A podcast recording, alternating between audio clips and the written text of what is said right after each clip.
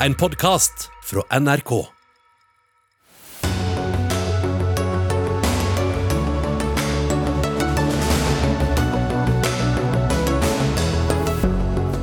Politisk opprør mot eh, høye bonuser i statlige selskaper. Sjefen i Statkraft har fått både høy bonus og kan jobbe i halv stilling med en lønn på 4,4 millioner kroner i året. Venstresiden har fått nok. Debatt om Hadia Tajiks metode blant pressefolk. Fordømte i harde ordelag en nyhetssak om seg selv flere dager før den ble publisert. Ukraina ber om hastemøte i Sikkerhetsrådet etter at Putin har varslet en avgjørelse om å anerkjenne utbryterregioner i Øst-Ukraina som selvstendige stater. Og vi kan ikke stole på folkets musikksmak, sier Aftenposten-kommentator etter at to anonyme menn i gule ulvemasker skal representere Norges ære i den store, omdiskuterte Eurovision-finalen. Dette er noe av det vi skal diskutere her i kveldens Dagsnytt 18 med Espen Aas. Der skal vi også innom Den norske kirkes anerkjennelse av at de har påført homofile skade, og hvorfor det er så vanskelig å gjenvinne tekstil i Norge. Men uh, først, mens du enten har eller snart skal betale din neste skyhøye strømregning, hvordan smaker den hvis vi forteller deg at uh, sjefen i det statlige heleide kraftgiganten Statkraft skal få 4,4 millioner kroner i året for å jobbe i halv stilling, eller fikk 800 000 i bonus i fjor. Slik eh, er det iallfall, ifølge avisene Dagens Næringsliv og Klassekampen. Flere partier på venstresiden eh, roper nå alarm, og mener utbetalingene må ned. Næringsminister Jon Christian Wester fra Arbeiderpartiet er invitert for å snakke om dette, men har takket nei. Men la oss starte med deg, styreleder i Statskraft, Toril Vidvei. Dere delte ut altså over fire millioner kroner i bonuser til sju direktører for fjoråret, og toppsjefen har altså en grunnlønn på over 5,8 millioner kroner i året. Er det rimelig lønn? Ja, altså Vi eh, følger de eh, retningslinjene som eh, staten har vedtatt for lederlønninger. Og Det er to viktige ting som blir understreka. Det skal være gjennomsiktig, og det skal være moderat. Det Er 5,8 millioner i årslønn moderat? Ja, altså Så kan du si det at det, det er delt inn i to forskjellige områder. Det ene er fastlønnen. Eh, og der kan jeg bare si at I den tiden jeg har vært styreleder i Statkraft, for å gå de seks årene tilbake tid, så har det vært en moderat lønnsutvikling som er helt på tråd med det som andre har fått når det gjelder lønnsutviklingen i landet vårt. Mm. Og Så er det en bonusordning, og den ble innført for mange år siden. og Lederlønns retningslinje retningslinjer for lederlønn det har åpnet opp for at man kan gi bonuser eh, som representerer 25-50% av lønna. Og Statkraft vi er har den laveste satsen. Det er 25% av lønna som kan gis. Det mener jeg at det er moderat. Vi er innafor det som staten har som retningslinjer. Mm. Hva ville konsekvensen vært om dere hadde betalt en toppleder la oss si 1,7 millioner i året i lønn, som er det en statsminister er verdt i dette landet? Ja, så Nå er jo vi et kommersielt selskap. Vi konkurrerer med eh, aktører ute i verden, og vi konkurrerer med aktører hjemme her i Norge. Det er jo sånn at eh, Statkraft er altså Europas ledende fornybarselskap. Vi Men Er de så ettertraktet, potensielle toppledere til selskap som Statkraft, at man må opp i nærmere 6 millioner i året? Ja, vi må være konkurransedyktige, men vi skal ikke være lønnsledende. Og det er faktisk sånn at I løpet av bare den tiden jeg har stått som styreleder, så er det kommet mange flere aktører eh, inn i det fornybarmarkedet, som eh, jo skal være den nye satsingen etter olje og gass. Og det er klart at eh, Vi ser det både i forhold til olje- og gasselskaper, vi ser det i forhold til equity-selskaper, og vi ser det i industrien generelt sett. Okay. At det blir flere og flere aktører. Et langt ja på det, altså. Grete Wold, stortingsrepresentant fra SV. Dere har gått lei av statlige lederlønninger, som eh, dere sier, men eh, vil dere ikke ha de beste folkene til å lede våre store, viktige statlige selskaper? Da? Det er klart vi skal ha de beste, men eh, jeg tror ikke nødvendigvis man finner de beste på de som søker syv millioner i godtgjøring i løpet av et år. Jeg er helt overbevist om at vi finner veldig dyktige folk på et langt lavere lønnsnivå enn som så. Og det å få på en sånt lønnsnivå uansett hvilken stilling man har. Når man ser på statsministeren vår som da tar inn 1,7 med det ansvarsområdet og den kompetansen som kreves for å faktisk ha den rollen, så tenker jeg at vi kan også finne andre brukende til omtrent samme prisen. Men eh, hvorfor reagerer dere på dette nå? Dere har jo selv sittet åtte år i regjering, som er veldig populært å poengtere i dette studio ca. hver dag. Det poengterer man, og det er klart at uh, dette er jo en politikk som SV har ført i alle år, på lik linje med flere andre partier på venstresida. Hvordan har det, det gått? Det har ikke gått så veldig bra. Vi har ikke hatt uh, tilstrekkelig med mandater til å få gjort så mye med det. Nå har vi et forslag inne nå hvor vi ønsker å sette et lønnstak på 1,7. Vi mener at det er tilstrekkelig, og vi ønsker også å fryse det nivået som vi har per i dag. Mm. Men, hvem, men Tore Vidvei gjør ikke noe galt, sier Nei. hun, fordi hun sier hun følger de retningslinjene hun det... Eh, har fått, og retningslinjer i Norge som det da er greit for i både den andre regjeringen, er at det skal være konkurransedyktig, bare ikke lønns ledende. Ja. Samtidig så har regjeringen i dag sagt at de skal gjennomgå akkurat dette med lederlønninger, og jeg forventer jo nå også at de støtter opp noe av det som vi bringer til bords. Dette her er jo ikke forslag som er helt nye, det er forslag som også Senterpartiet har fremmet tidligere, og hvor man ønsket å komme denne ukulturen til livs. Mm. Det er ganske hårreisende at noen sitter og får den type godtgjøringer for å gjøre en helt vanlig jobb, tross alt. En helt vanlig jobb, Vidar? Nei, altså, Vi er et stort selskap. Vi har 4600 ansatte i 18 forskjellige land. Dette er en uh, toppjobb som må sammenlignes med alle de andre uh, selskapene som det er naturlig å sammenligne seg med, og som stadig vekk er på vei inn i dette markedet. Så jeg vil ikke si at det er veldig vanlig. Det er uh, utrolig krevende. og det som vi gjør, det er jo det at vi setter veldig klare kriterier for disse bonusmålene som skal oppnås. Og Det er, det er derfor at også det varierer fra år til år. Noen Men da fikk en lavere altså Sjefen eh, da eh, fikk altså 800 eh, 000 i, i bonus i fjor, hvis Dagens Næringslivs tall er, er, riktig. Og det var lavere enn året før. Så mm. som jeg pleier å si, man har likevel til salt i såret. Ja, men det var jo fordi at i, øh, med tanke på det som var i fjor, så nådde han opp på 55% av øh, de målene vi hadde satt oss. Og det blir 55% av de 25, da, for å si det sånn, som det, det vi egentlig har. Ja, jeg, skjønner prosentandelen, men, men, forstår du at folk reagerer på en sum når noen får en bonus som er langt høyere enn en gjennomsnittlig årslønn? Jo, men det er også sånn at det er noen stillinger som, og noen selskaper Vi er et kommersielt selskap som jobber og driver i konkurranse med alle andre. Og jeg tror det er veldig viktig for å videreutvikle Statkraft. Vi skal være med på det grønne skiftet, og regjeringen har sagt at vi skal være en spydspiss i denne fornybarsatsinga som skal foregå. Mm. Hvis vi skal utvikle oss videre, så må vi også ha mulighet for å rekruttere de beste. Mm. Men uh, er det riktig at politikere da skal sette grensene for uh, kommersielle selskaper og, og, lønningene der, når de jo konkurrerer ja. med andre store energiselskaper? Ja, vi er pukka nødt til å temme den galoppen som uh, vi har satt i gang nå. Vi kan ikke fortsette på den måten her. sånn en sånn kultur som gjør Nå har vi hatt, eh, da er vi over 300 ledere som faktisk tjener mer enn statsministeren.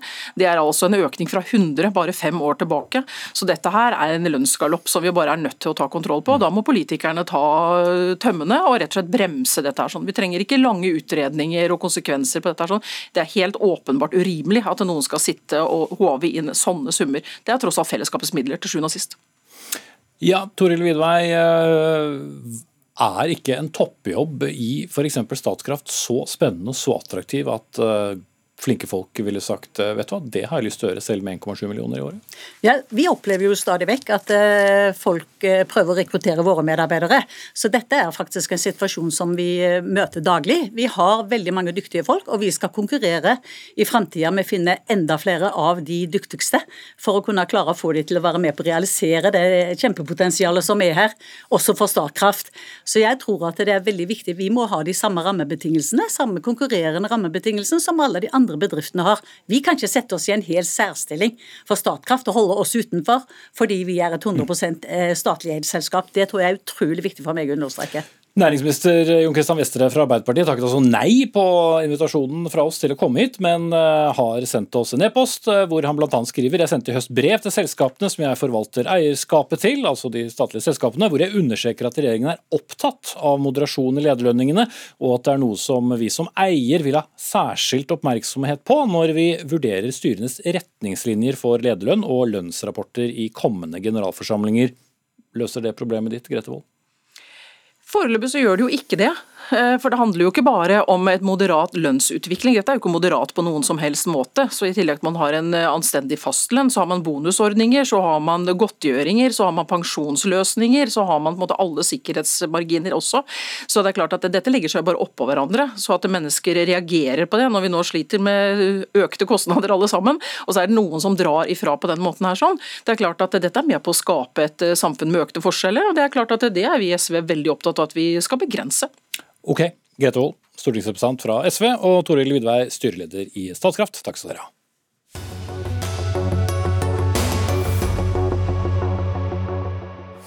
To typer i hvert sitt ulvekostyme skal forsvare Norges musikalske ære i låtskriverkonkurransen Eurovision Song Contest. Det syns ikke alle var så lurt, og det skal vi diskutere mot slutten av sendingen.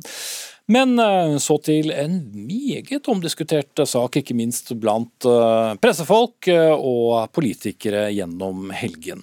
Bør politikere vente og se hva journalister avslører om dem, eller skal de slå tilbake før saken er publisert? Vel, det ble diskusjonstema etter at Arbeiderpartiets nestleder og arbeidsminister Hadia Tajik fredag tok til tastaturet og hadde et stort oppgjør på Facebook med Aftenposten om en sak som ingen hadde lest, fordi den ikke ble publisert nå før eh, i ettermiddag, en time før vår sending. I tolv år har jeg valgt å ikke ha pendlerbolig, unntaket tre måneder i 2019. Dette forsøker Aftenposten å lage en skandale av, skrev hun. Saken, som ble altså publisert rett over klokken fem, handler om den nevnte pendlerboligen, men der stortingsdirektøren ikke kan si om Tajik fikk boligen i tråd med regelverket eller ikke. Trygve Aas Olsen, fagmedarbeider ved Institutt for journalistikk, du sier til nettstedet Medier24 i dag at en sak om Tajik slapp skatt på sin første pendlerbolig basert på leiekontrakt uh, Unnskyld, der håpet jeg Neste spørsmål, det jeg skulle si, var at uh, hun har ikke rett til å hindre Aftenposten i å publisere, men at hun er i sin fulle rett til å prøve. Hva var det du mente med det?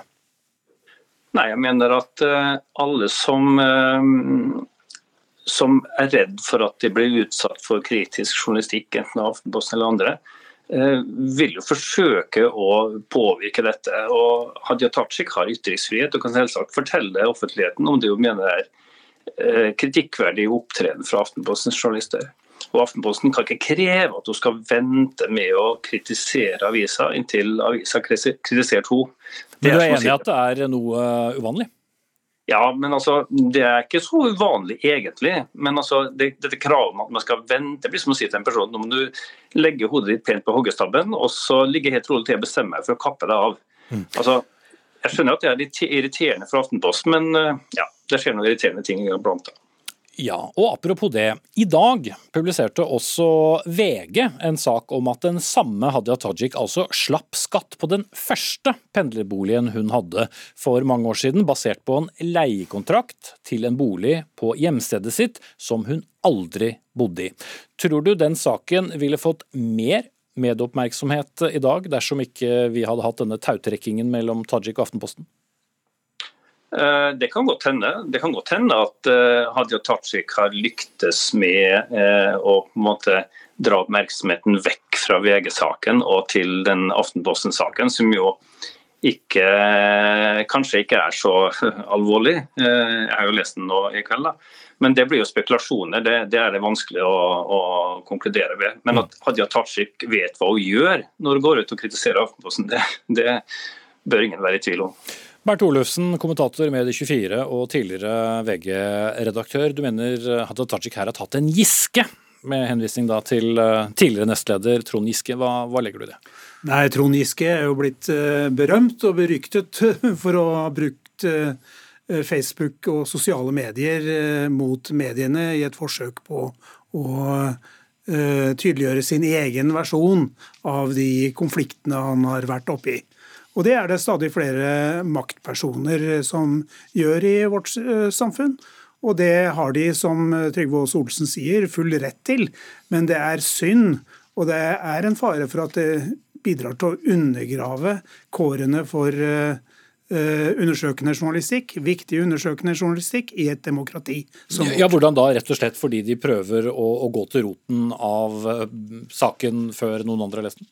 Ja, eh, Haji, eh, Hadia Tajik eh, gjør jo eh, her det kunststykket at hun forsøker å diskreditere undersøkende journalistikk før noe er publisert overhodet. Og det viser seg jo gjennom Aftenpostens publisering senere i dag at eh, det finnes ting å sette fingeren på i hennes omgang med eh, pendlerboligsaken.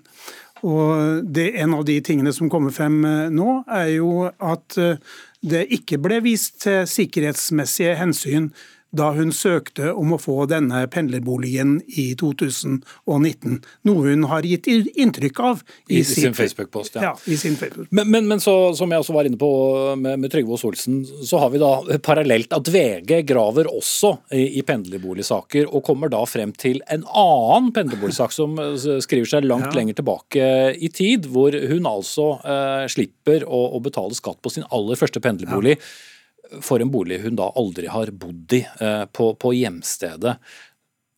Er det da en vellykket strategi å begynne å snakke om en mindre alvorlig sak, ja, ser, eller er det tilfeldig? Det ser ikke så vellykket ut etter Aftenpostens publisering i ettermiddag.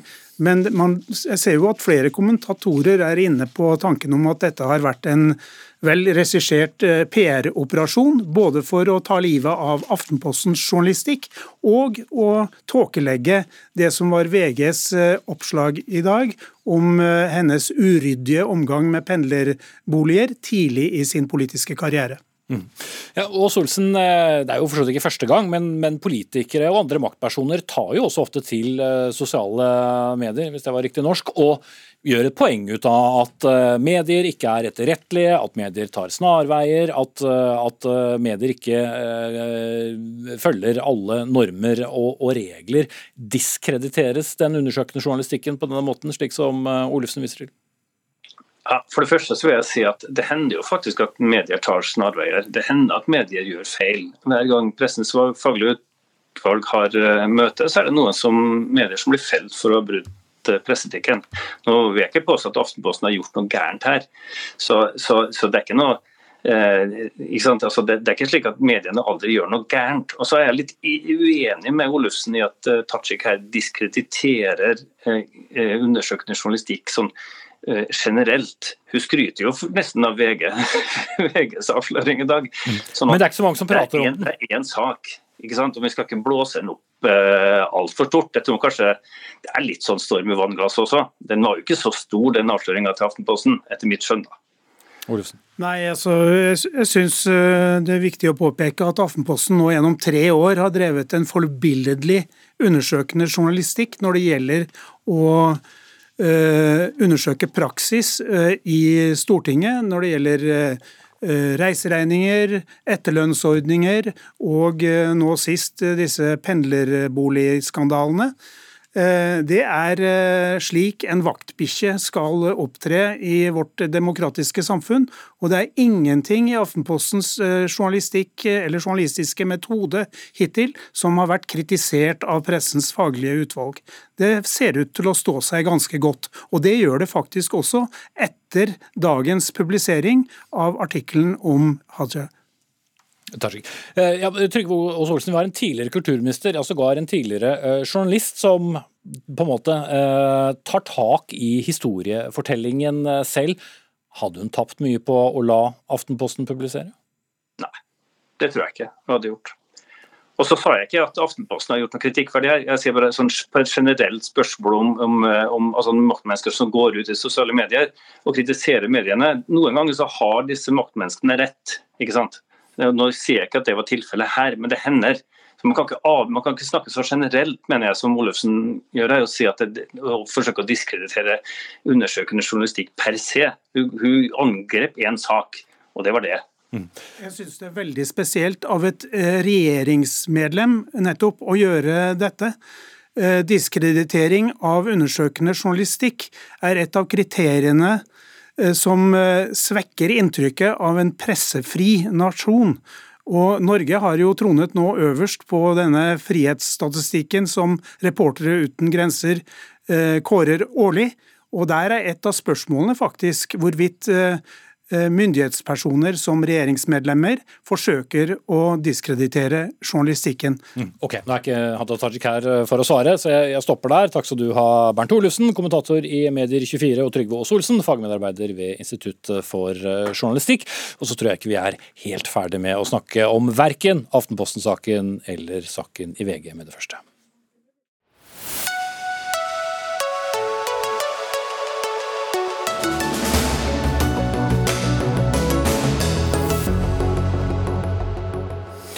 Så til uh, saken som veldig mange verdensledere går litt på eggeskall uh, for, nemlig Ukraina.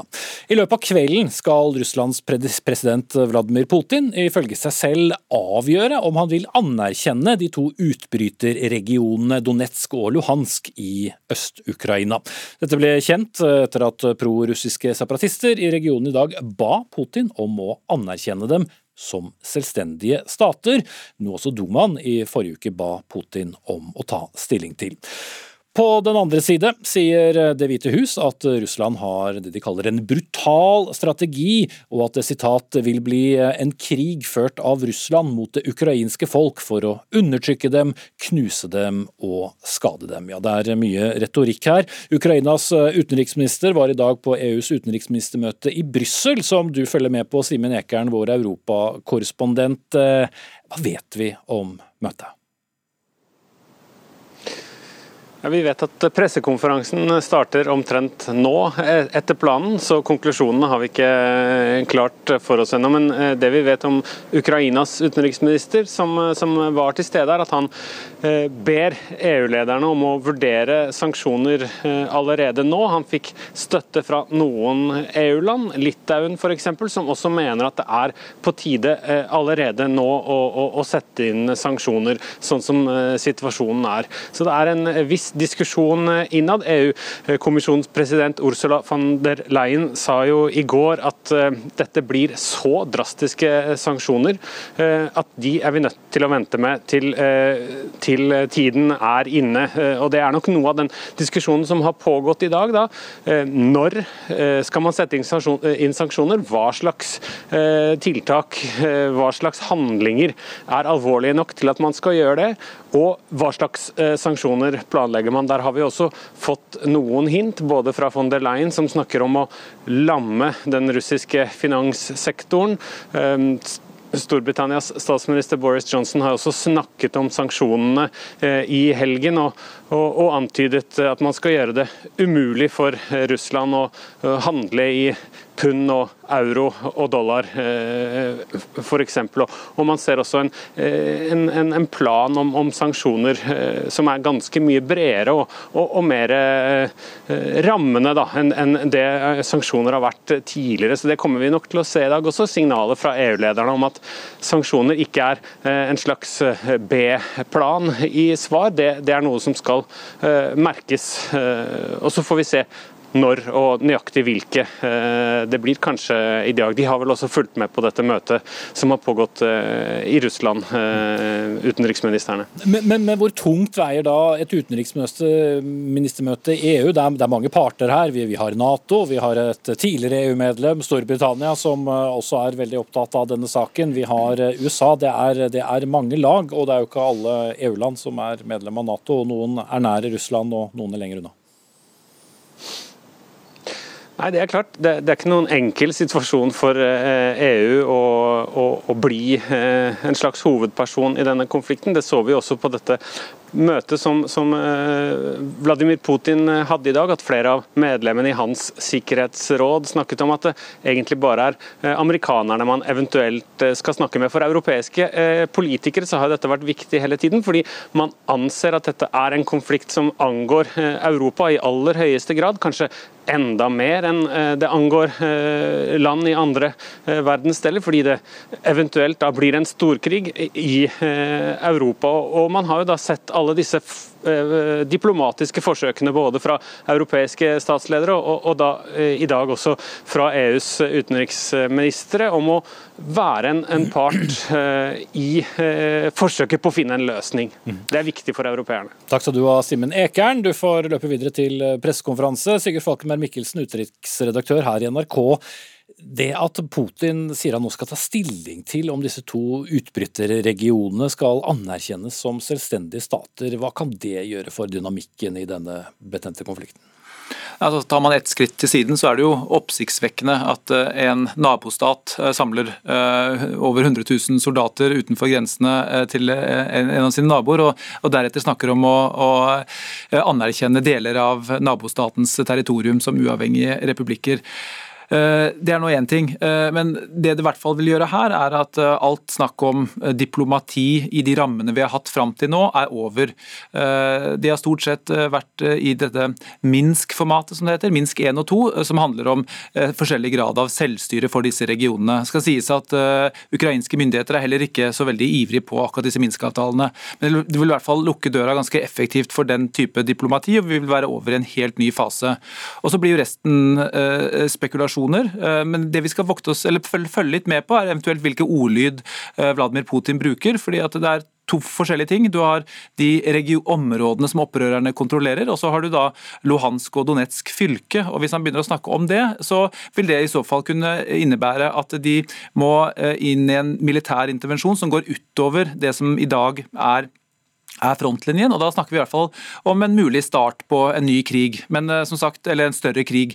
Et annet scenario er at uh, russiske styrker blir invitert inn til disse nyerklærte uh, uh, statene som russerne da har anerkjent. Men for alle praktiske formål i hvert fall, så vil den diplomatiske rammen som eh, fram til nå har vært brukt, eh, være ødelagt. Mm. Men nå sitter man også og diskuterer eventuelle sanksjoner, sanksjoner som kan rammes hardt, eh, ifølge enkelte vestlige ledere. Så hvor mye diplomati er det igjen? Nei, Det er et godt spørsmål. og det er et godt spørsmål Hvor mye diplomati som egentlig har vært eh, i disse eh, samtalene som statslederne har hatt seg imellom. Eh, hvor mye har det har vært reelle forhandlinger. Jeg tror det har vært mest et forsøk på å kjøpe seg tid for å se om det er mulig å komme til noen meningsfulle forhandlinger.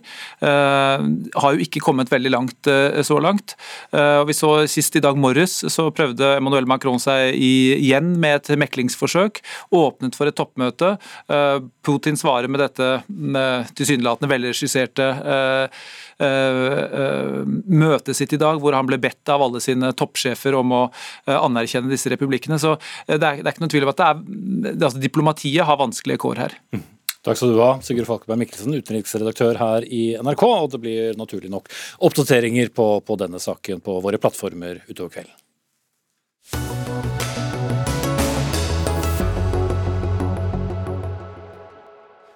50 år etter at eh, homofili ble avkriminalisert, erkjente biskopene i Den norske kirke i går at kirken har påført homofile og lesbiske stor skade og smerte.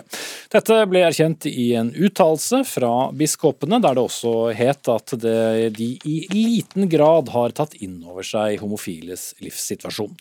Uttalelsen ble publisert i, i, Aftenposten, og det er altså 50 år etter denne avkriminaliseringen. Olav eh, Fyksetveit, eh, preses i Den norske kirke og leder av eh, bispemøtet. Det var jo du som tok initiativ til å skrive uttalelsen. Hvorfor er det riktig å komme med det nå? Det går sammen med bl.a. det du nevner, at det er etter 50-årsmarkeringa av denne avkriminaliseringa i år. Så tror jeg også at det har vært utvikling både i samfunnet og i kirka som gjør at tida var moden for å, å si dette nå så har vi blitt utfordra av bl.a. Hallo Moxnes og andre til å, til å ta opp dette. Mm. Vi skal ta den utfordringen om litt. Jeg bare lurer på eh, Man bruker ikke ord som unnskyldning eller beklagelse til de som har kjent på, på vonde opplevelser. Hvorfor ikke? Det er litt av respekt for hvor, hvor mye sånne ord betyr. Eh, og fordi at eh, vi syns også de hører hjemme i en dialog med de det gjelder. Dette er et, en, et utsagn fra, fra, oss der vi erkjenner så langt eh, det vi, det vi, har sett og hørt og det vi har forstått, både av vår tids eh, problemer, men også det som har vært før oss. Og Da syns vi det er riktig å begynne der. si at det, Dette erkjenner vi, og så anerkjenner vi de homofile og lesbiskes plass i kirken og i samfunnet og deres menneskeverd og deres kjærlighet. Mm. Ja, Halvor Moxnes, professor ved Teologisk fakultet ved Universitetet i, i Oslo, allerede introdusert her. Du har selv vært åpen homofil siden 1970-tallet og forkjemper for homofiles fullverdige plass i, i kirken. Hvordan eh, leste du denne uttalelsen? jeg leste den i utgangspunktet som veldig viktig, eh, ved at den anerkjente homofiles kjærlighet eh, og menneskeverd. Tidligere så har man alltid snakket mye om menneskeverd, at homofile har samme menneskeverd som alle andre, men samtidig har de avvist samliv og kjærlighet mellom homofile og lesbiske. Og nå er dette kommet sammen. Det, det var slik som Kari Weiteberg sa i bisettelsen til Kim Friele. Kjærleik er en del av det å være menneske, og, og, da er man heldigvis nå kommet så langt at det gjelder også for homofile og lesbiske. Mm. Men du har jo tidligere, eh, bl.a. i en kronikk i Vårt Land, krevd eh, at Kirken sier unnskyld til, til alle skeive for måten de har blitt eh, behandlet på. Var det da dette du ville ha? Er det, er det, er det godt nok? Det var desken i Vårt Land som laget okay. den overskriften. Fordi at det jeg sa, var at en unnskyldning er en mulighet, men at den må være troverdig. Og da er det jeg tror dette som også Fiksetveit peker på, at da må man følge opp denne uttalelsen med å la homofile og lesbiske bli hørt. For det er jo det som har manglet. Man har snakket om homofile og lesbiske, eh, men ikke med dem. Mm. Så her, her, er man på riktig vei, da. Eh, Inge Alexander Gjestvang eh, med oss på linje. Du er leder av FRI, Foreningen for kjønns- og seksualitetsmangfold. Du har reagert på at du syns uttalelsen var for snever, men steg i riktig retning er det? Absolutt. Eh, som vi er inne på her, så er det jo en erkjennelse mer enn en eksplisitt eh, beklagelse og unnskyldning. Eh, så jeg tenker at det her er jo et første viktig steg i en veldig riktig retning. Og så må vi jo se hvor det går herifra. Som biskop i Oslo sjøl skrev på Facebook, og så tar vi det herifra. Eh, og så tenker jeg Det at eh, det er fortsatt utfordrende at kirka er eh, en friplass for de som mener at homofili fortsatt er, er en synd. Og jeg tenker at kirka sitt todelte likeverdige syn på homofil kjærlighet, det er noe som, som påvirker dagens erkjennelse i stor grad. For det er, det er, sånn at om den ene hånda sier unnskyld, så er det fortsatt utfordrende når den andre skyver deg bort.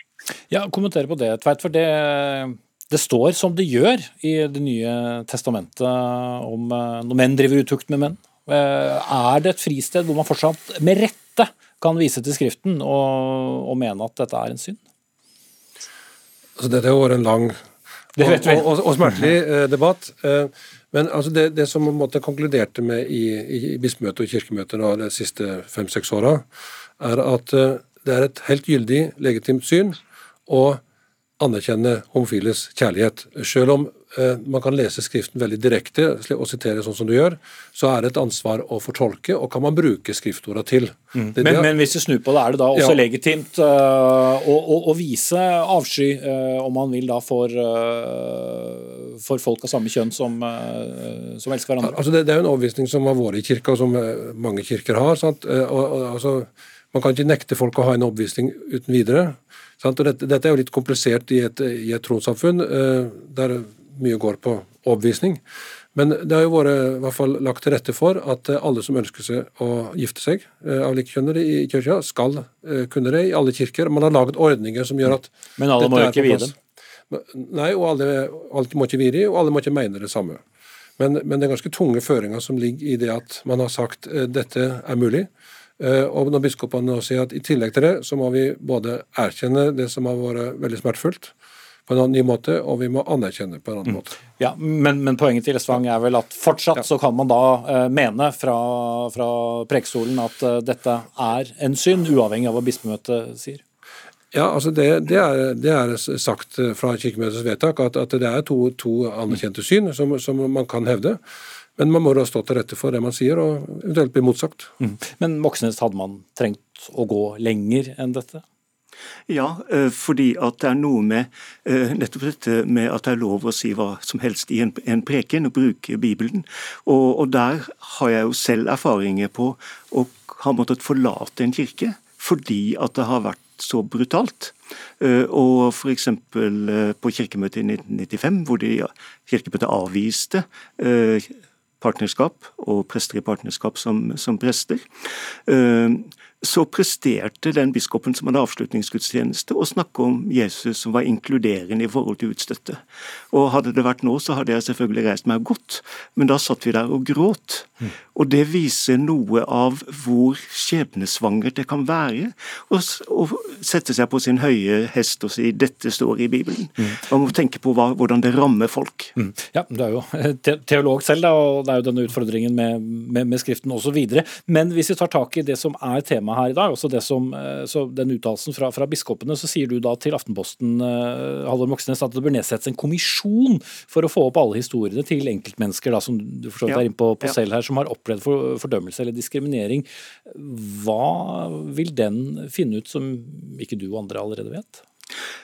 Altså, det, den, det, må være en åpen invitasjon til mennesker som har noen historier å komme med, og noen dårlige erfaringer, slik som er typen jeg nevnte.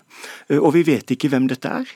Eh, vi vet noen ikke sant, som er kjente homofile og som har sagt ifra og sånt, men, men utover landet så sitter det mange som kan bære på den skylden og skammen som de har blitt påført, og hvor da dette med å ha en mulighet til å komme fram og fortelle sin historie, vil være en hjelp i en skal vi si, en helingsprosess. Mm. Hva tror du om det, Gjestvang? Jeg tror kanskje du også skulle ønsket deg litt eh, sterkere lut for å øke sin egen troverdighet på dette området? Absolutt. Eh, og så vil jeg oppfordre Norske kirke til å se litt bredere enn forbi begrepene homofile og lesbiske. Eh, vi vet jo at det er også bifile, transpersoner, eh, personer som lever med hiv, som også har opplevd svært utfordrende ting fra, fra en prekestol.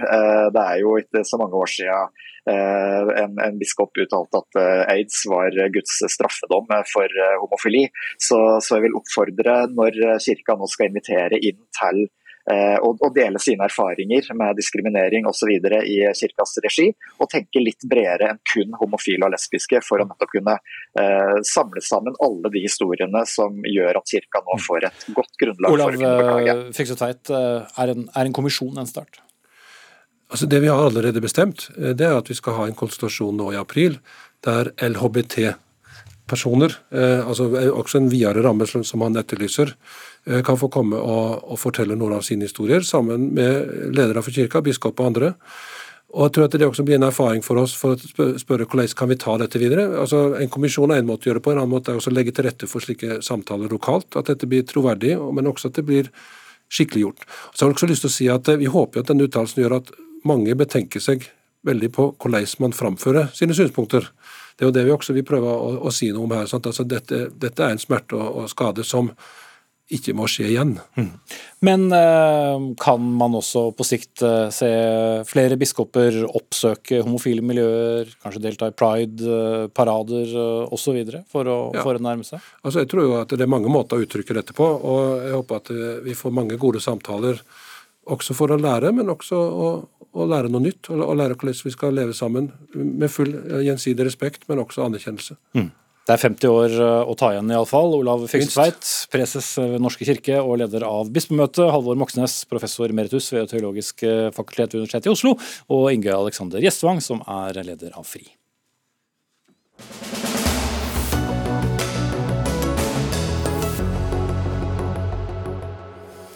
Mangelen på et eh, system for innsamling av klær, utgåtte klær sågar her i Norge, skaper eh, debatt. Halvparten av tekstilene i norske hjem ja, de havner til slutt på søpla.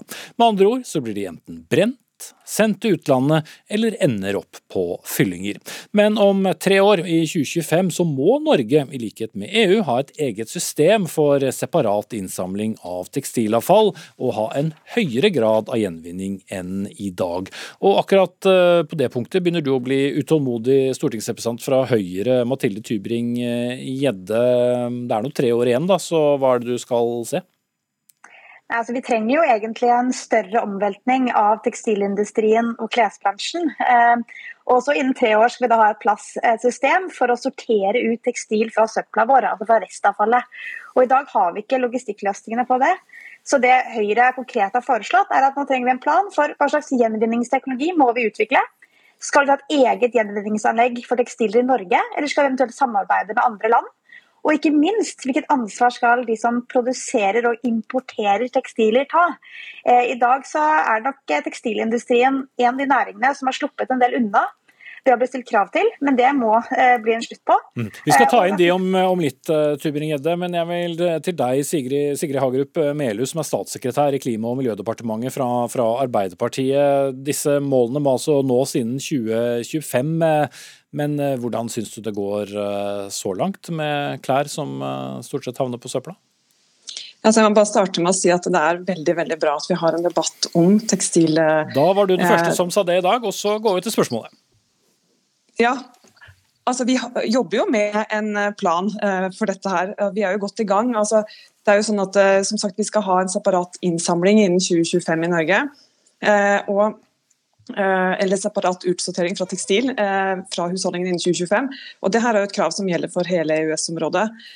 og Miljødirektoratet, som er jo en underliggende etat under Klima- og miljødepartementet, er jo i full gang med å nettopp vurdere de endringene som må til da i det norske regelverket for å oppfylle de forpliktelsene vi har i rammedirektivet for avfallet. avfall. De ja, her var det kommer. mye rammedirektiver og litt av hvert, men rent uh, konkret 97% av all tekstilavfall blir altså sendt til utlandet for uh, håndtering.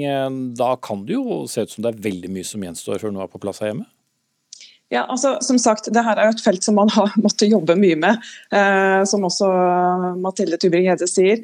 Eh, Miljødirektoratet kommer med eh, denne rapporten eller evalueringen, eh, anbefalingen sin 31. mai. Eh, og Da skal vi se nærmere på det. og Det er veldig veldig viktig at vi får til det gode samarbeidet sammen med eh, næringen i Norge. Så Hvis det blir forslag til forskriftsendring eller noe, så vil vi jo sende det på høring.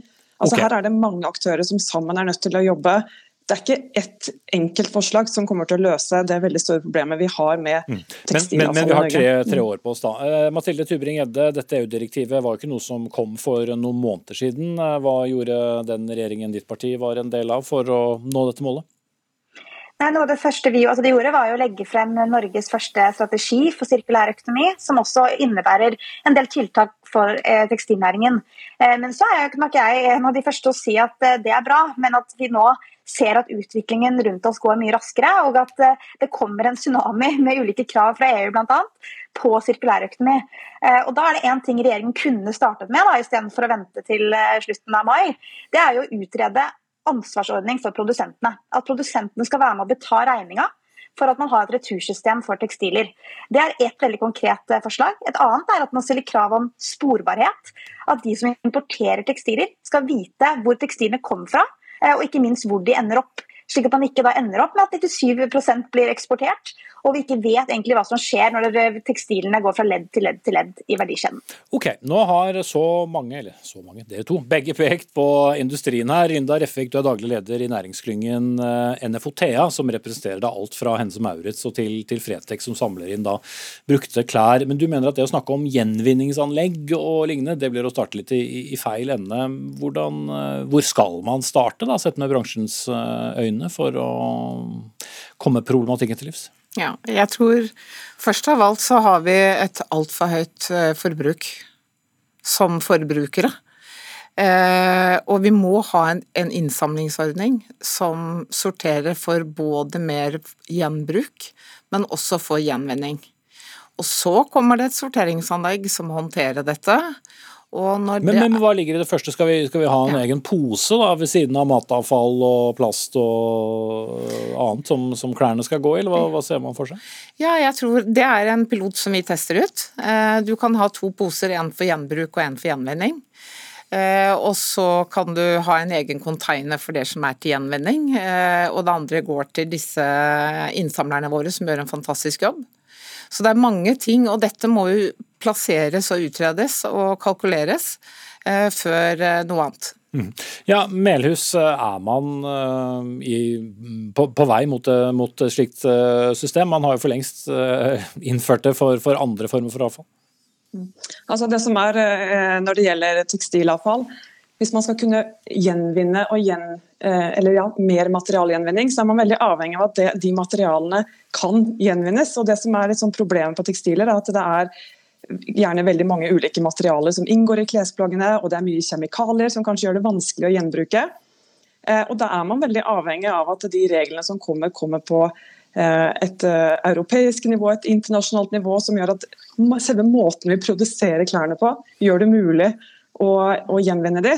Eh, og da blir det sånn at vi, Nå kommer jo EU med et nytt, eh, altså en revidering av det EU økodesigndirektivet, som nettopp skal bidra til at vi får mye mer Eh, altså gjør det lettere å eh, rett og slett gjenvinne materialene. Mm. Eh, dere hos NRK hadde jo veldig, veldig interessant innslag på nyhetene i går om et sånt pilotanlegg i Sverige Eh, hvor man rett og slett klarte å få ut mer av bomullstekstilene f.eks. For, eh, eh, for at de som produserer bomull ettertid, vil jo ha veldig rene mm.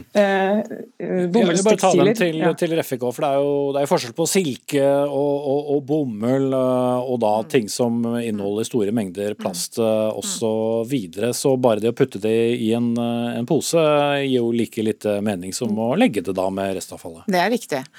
Og det som er veldig gøy, det er jo at Tomra, som vi kjenner fra panteflasker, de har også eh, et, en, et, en, teknologi som gjør at du kan sortere på fraksjoner på bomull, polyester eh, for de forskjellige så, så, så, det finnes uh, maskiner som, som, kan skille ut klærne, det, men man trenger å samle dem inn først? Ja, man må samle det inn på en smart måte.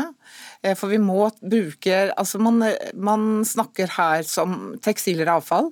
Det er jo en ressurs. Og den ressursen må vi ta vi tilbake, som vi kaster halvparten. Og den må vi bruke til noe og, som skaper verdi og arbeidsplasser. Mm. Men, men du, vi har jo nevnt allerede Fretex, som du også representerer. Mm. Sånn sett, eh, de har jeg sett ofte klager over at de får for mye som likevel må, må, kastes. Men er det lettere å kanalisere ting på, på ett sted, fremfor at hver husholdning skal ha noe, så skal noe gå hit og noe gå dit osv.? Mm. Altså, vi tenker nok, vi har jo et prosjekt eh, i NFTA som, er, eh, som, sirkul, som heter Sirkulære tekstiler, som hvor alle innsamlerne er med på. Og eh, der har vi en helt klar tanke på at vi bruker Eh, og bygger f.eks. det hun snakker om produsentansvar, så tenker jeg at man bruker, tar utgangspunkt i det man har. Da. Disse innsamlerne som gjør en kjempejobb. Vi samler inn 35 000 tonn, men det er husholdningsavfallet som vi må ta i bruk på nye måter. Og da trenger vi reguleringer, det er ingen tvil om det. Og da er produsentansvar eh, en av de områdene som, som eh, Sigrid, Sigrid, har eh, foreslått, som vi er enig i. Mm. Altså statssekretæren, for dere som ikke er på, på fornavn. Men uh, Mathilde Tybring-Gjedde fra Takk. Høyre. Dere vil jo også strenge, uh, stille strengere krav da, til produsentene. Hva, hva, er det medlemmene til, til Refik bør ta større ansvar for? Det ene er jo produsentansvarsordning, som betyr at de må være med å finansiere et retursystem for tekstiler. Eh, men jeg tror nok kjernen i dette problemet handler om design av produktene og fast fashion. Altså det at man egentlig prøver å konkurrere ved å ha størst mulig volum importert inn til landet med ganske billige materialer med kort levetid. Og det da ikke egentlig nesten er eh, forenlig med å kunne ha gjenbruksmarked eller også resirkulering, som jeg har vært inne på her. Så det er jo store utfordringen. Da skal du få svare på det til slutt. Mm, og det er helt riktig. Altså dette, det må starte med designprosessen, og der er det i bransjen eh, definert allerede flere tiltak for å gjøre noe med det, for å møte dette nye EU-direktivet. Og jeg er enig i dette med prosentvernsordningen. Der har jo allerede medlemmene i NFTA, altså produsentene, allerede utarbeidet et eh, innspillsnotat som nå ligger på bordet til både Virke og NHO. Mm. Jeg vet at du sikkert også ville kommentert det til, Sigrid Hagerup Melhus, statssekretær i Klima- og miljødepartementet, men du får ta med deg eh, rådene bl.a. fra Linda Reffik fra NFO Thea her, og også innspillene fra Høyres Mathilde Tybring-Gjedde. Takk skal dere ha, alle tre, og fortsatt sliter folk med å finne ut hva de skal ha på seg.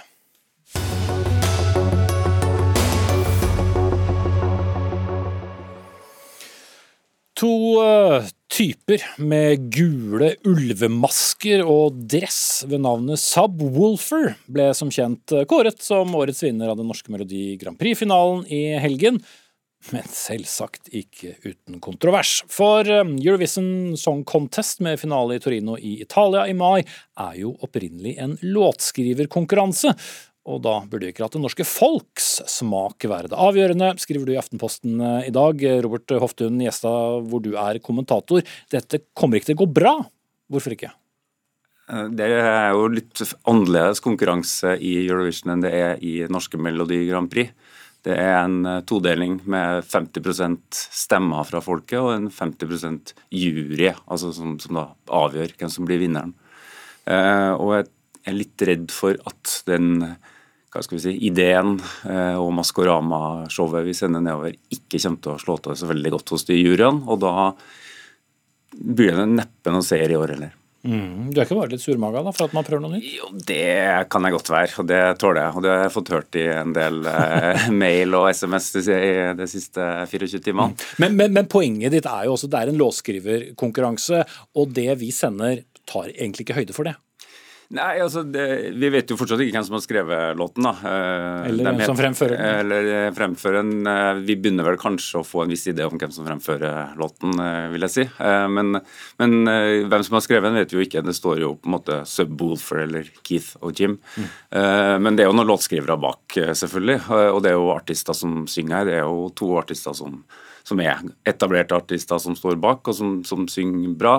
Mitt poeng er at vi konkurrerer på en måte ikke på like vilkår i Norsk Melodi Grand Prix som det vi møter når vi kommer til Eurovision, og det, er litt, jeg syns jeg er litt merkelig. så jeg syns jo at juryene burde vært henta tilbake i den norske Melodi Grand Prix for å få uh, at vi konkurrerer likt da, med det vi møter der. Mats Borch Bugge, du er musikksjef i, i NRK.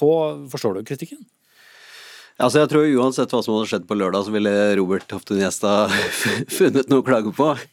Men, Nei, men eh, forhold deg til, til, denne kritikken, ja. da. Nei, altså jeg tenker at uh, Melodi Grand Prix er som alle andre uh, konsepter, show osv. i uh, stadig utvikling. Og det har gått fra å være en låtskriverkonkurranse til et uh, konsept der liksom showdelen og aspektet har blitt viktigere. Og så har man testa ut da ulike løsninger med hensyn til hvem som skal vinne. Eh, og nå eh, har det vært da rene publikumsstemmer, eh, og så kan hende man revurderer det en gang i framtida. Jeg tenker at konseptet må hele tida utvikle seg.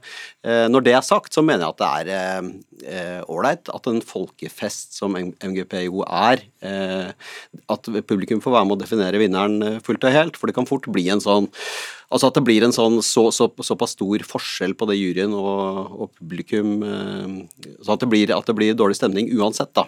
Så, så det, er, det, å finne en sånn fasit man kan gå for eh, alltid, det tror jeg er vanskelig, da. Mm. Men burde ikke vi forholde oss til det som er det endelige konseptet i den, eh, i, den europeiske finalen når vi har en konkurranse her hjemme? Ja, det gjør vi jo som vi vil med, da. Eh, og det har vært et voldsomt engasjement. Eh, og publikum har jo her trukket fram to maskerte karer. Eh, så eh, jeg, tenker at det, det vitner om at uh, folk her til lands hvert fall ønsker seg liksom fyrverkeri og fest i, i, rundt tre minutter. Og så får vi se hvordan det går i Torino. Mm. Så Det var jo noen finner med noen eh, voldsomme masker som uh, brølte hard rock halleluja og vant på det også. Så det er jo ikke bare låtskriverkvalitetene som, som avgjør her. Nei, det var jo en ganske kul rockelåt i bånn der, da. Så, så, det var jo ikke det. Det, altså, det, det går jo an å, å, på en måte lage en kul låt og også ha et kult kult show i, i tillegg. Et, et, mitt problem er at eh, det er så, såpass stor forskjell mellom hvem som blir henta frem av folket og av juryen når vi kommer til den internasjonale finalen. Det har vi også sett de siste årene. Tix fikk en god del folkestemmer. Nesten ingenting jurystemmer. Keiino vant jo folkeavstemninga for to-tre år siden fikk også ganske svakt fra juryen. Sånn, at det er veldig vanskelig. Det, ingen, det finnes ikke noen fasit. Det er jo ikke noe vanskelig, sånn, sånn lett å si at ja, da gjør vi sånn, og så blir det riktig. Men jeg tror jo fortsatt at det lønner seg kanskje å konkurrere i Norge på samme måte som det vi skal møte i utlandet. Ja, hvorfor skal vi ikke også ha, ha en jury? Nei, som sagt, det kan godt hende at uh, NRK velger å revurdere den løsningen som har vært gjort uh, i år. Men jeg mener oppriktig at det er gøy med konkurranser der publikum er ene og alene får bestemme hvem vinneren er. Og så kunne man kanskje Kanskje, man, kanskje det er utvelgelsesprosessen kanskje man skal snu på at man har en ren fagjury neste år. Og, og, altså i starten? Ja. Mm. Så det er jo det å være Jeg mener at det, er liksom, det kler også veldig gamle konsepter som Melodi Grand Prix å være i utvikling kontinuerlig, da. Og, og det, i år var det publikum. La oss uh, skule litt østover. Torbjørn eller Tobbe Ek, du er eurovisjonsekspert i, i svenske avisen Aftonbladet. Blir det tolv poeng av, av Grannen? Eh, inte av den svenska juryn, men kanske av den svenska, eh, svenska tv-publiken. Eh, jag vill tillägga också att Lordi som ju vann i masker 2006, de, eh, då var det bara telefonröster. Då var det alltså ingen jury som var med. Så att jag håller helt med i diskussionen här om att eh, man bör skicka någonting annat än subwoofer om man ska tilltala jurygrupperna. Men å andra sidan så tror jag att Give the Wolf a Banana kan bli en riktig Som altså tittelen på låta for de som uh, var under en stein i helgen? Ja. Precis. Ja, men jag tror att den kan bli en publikfavorit, precis som Keino. Eh, men eh, jurygrupperna i Eurovision brukar vara väldigt fokuserade på Eh, bra och stark sång, att, att, man, att man visar upp eh, vokala kvaliteter. Och eftersom man inte ens ser hur de här vargarna sjunger så tror jag att det är helt uteslutet att de skulle få höga poäng från juryn. Mm. Ja, det är på tide att ta av eh, vargarna maskene, skriver du i dag. Varför ska de demaskeres før de helt har spilt en eneste tone? Ja, men därför att eh, två veckor i Turin kommer vara eh, en mardröm för båda de här två killarna som ska springa runt i mask och försöka gömma sig hela tiden när de inte har mask på. Men också för oss journalister att försöka ställa frågor till några som låtsas att de är från yttre rymden. Det, eh, det kommer bara inte vara roligt. Eh, och, och de får jättegärna fortsätta att uppträda i masker. Men eh, vi vill såklart också veta vilka har skrivit den här låten, vilka är de som sjunger okay. eh, och så. Ja, Gjesta, du, du, nikker nesten hodet ut av, av ledd her. Ja, nei, de har jo altså Tolken, da, som han kaller seg, som jo egentlig da er en musikkprodusent som heter Carl Henrik Wahl, og som står bak her. Det er han som snakker for dem når de gjør de intervjuene der de ikke sier noen ting. Eh, han har jo sagt eh, at de ikke skal ta av de maskene før etter Torino, og etter at de har vunnet eh, verden og jorda, og som de da har vunnet galaksen før. Sant? Det som Tobbe her sier, det blir helt umulig å få gjennomført noen sånn slags intervjurunder med interesse internasjonalt i det her. Det blir bare tull? Eh, det er jo bare tull. Eh, så det blir, da fortsetter det bare med tull. Eh, men eh, Tobbe kan jo lese norske aviser i dag, så får han jo vite hvem de to som synger er, i hvert fall. For det er godt avslørt både i Aftenposten og VG i løpet av eh, ettermiddagen i dag. Så. Og for de som ikke har lest det, så er de to Ja, nå vet jeg ikke hvor mye jeg skal si eller ikke. Det står i avisen, så kan du si det. Ja, det står i avisen. Altså, jeg, I Aftenposten så skrev jeg, eller ble jeg da sitert i dag dag på at jeg syns NRK skal være litt flinkere til å Hvis du skal holde et artistduo hemmelig, så må du ikke plassere garderoben deres rett ved siden av presserommet. Eh, sånn at da jeg gikk på vei ut av finalen på lørdag kveld, så sto døra åpen inn til Subwoolfer sin garderobe. Eh, der sto det en Brumunddøl eh, på en ganske høy Brumunddøl og kikka rett imot meg. Han heter Gaute Ormåsen. I dag har VG i ettermiddag en sak avbilda og biler som står parkert utenfor arenaen på Fornebu. Der det har vært innspilt video i dag. Og Den ene bilen har da eh, på, på, nummeret så står det BA1, altså Ben Adams A1. Sånn at eh, de har gjort det ganske bra, men eh, i dag har det røket. da. Ja, Kan du bekrefte dette, Mats Borch Bugge? Nei, Dette er jo historiefortelling på høyt nivå. da, og jeg tenker at Dette har Kiss drevet med, og Daft Punk har gjort det med stor suksess. Så la historien være i historie, så får vi se. Tror du at neste revisjonsfinale blir avholdt i Norge? Ut fra det vi sender? Eh, det er vanskelig å spå. Eh, vi får håpe, krysse fingra. Det er i hvert fall et uh, showprega nummer. Ja, det er jo hele utgangspunktet her, men uh, burde de ta maskene før de begynner å konkurrere? Jeg tenker uh, gradestokken får avgjøre det i Torino. Uh, jeg syns det er gøy at det er noen som skiller seg ut gjennom et, et, konsept, og tror det kan, kan fenge i, også i Eurovisjonsfinalen. Okay. Folket har talt. Hva blir det neste? Skal de også avgjøre valg? Vi får se. Robert Hoftun Gjestad, kulturjournalist i Aftenposten. Matt Borch Bugge, musikksjef her i NRK. Med oss fra Sverige, Torbjørn eller Tobbe Ek, eurovisjonsekspert hos Aftonbladet. Vi skal verken maskere oss eller synge. Vær trygge. Anne Katrine Førli var ansvarlig for sendingen. Lisbeth Sellereite tok seg av det tekniske. Og jeg eh, heter Espen Aas. Vi er tilbake igjen med ny sending fra Dagsnytt 18 i morgen.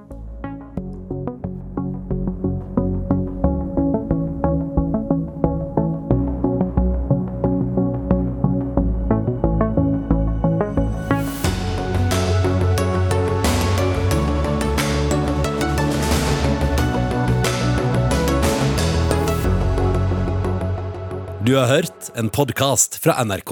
Hør flere podkaster og din favorittkanal i appen NRK Radio.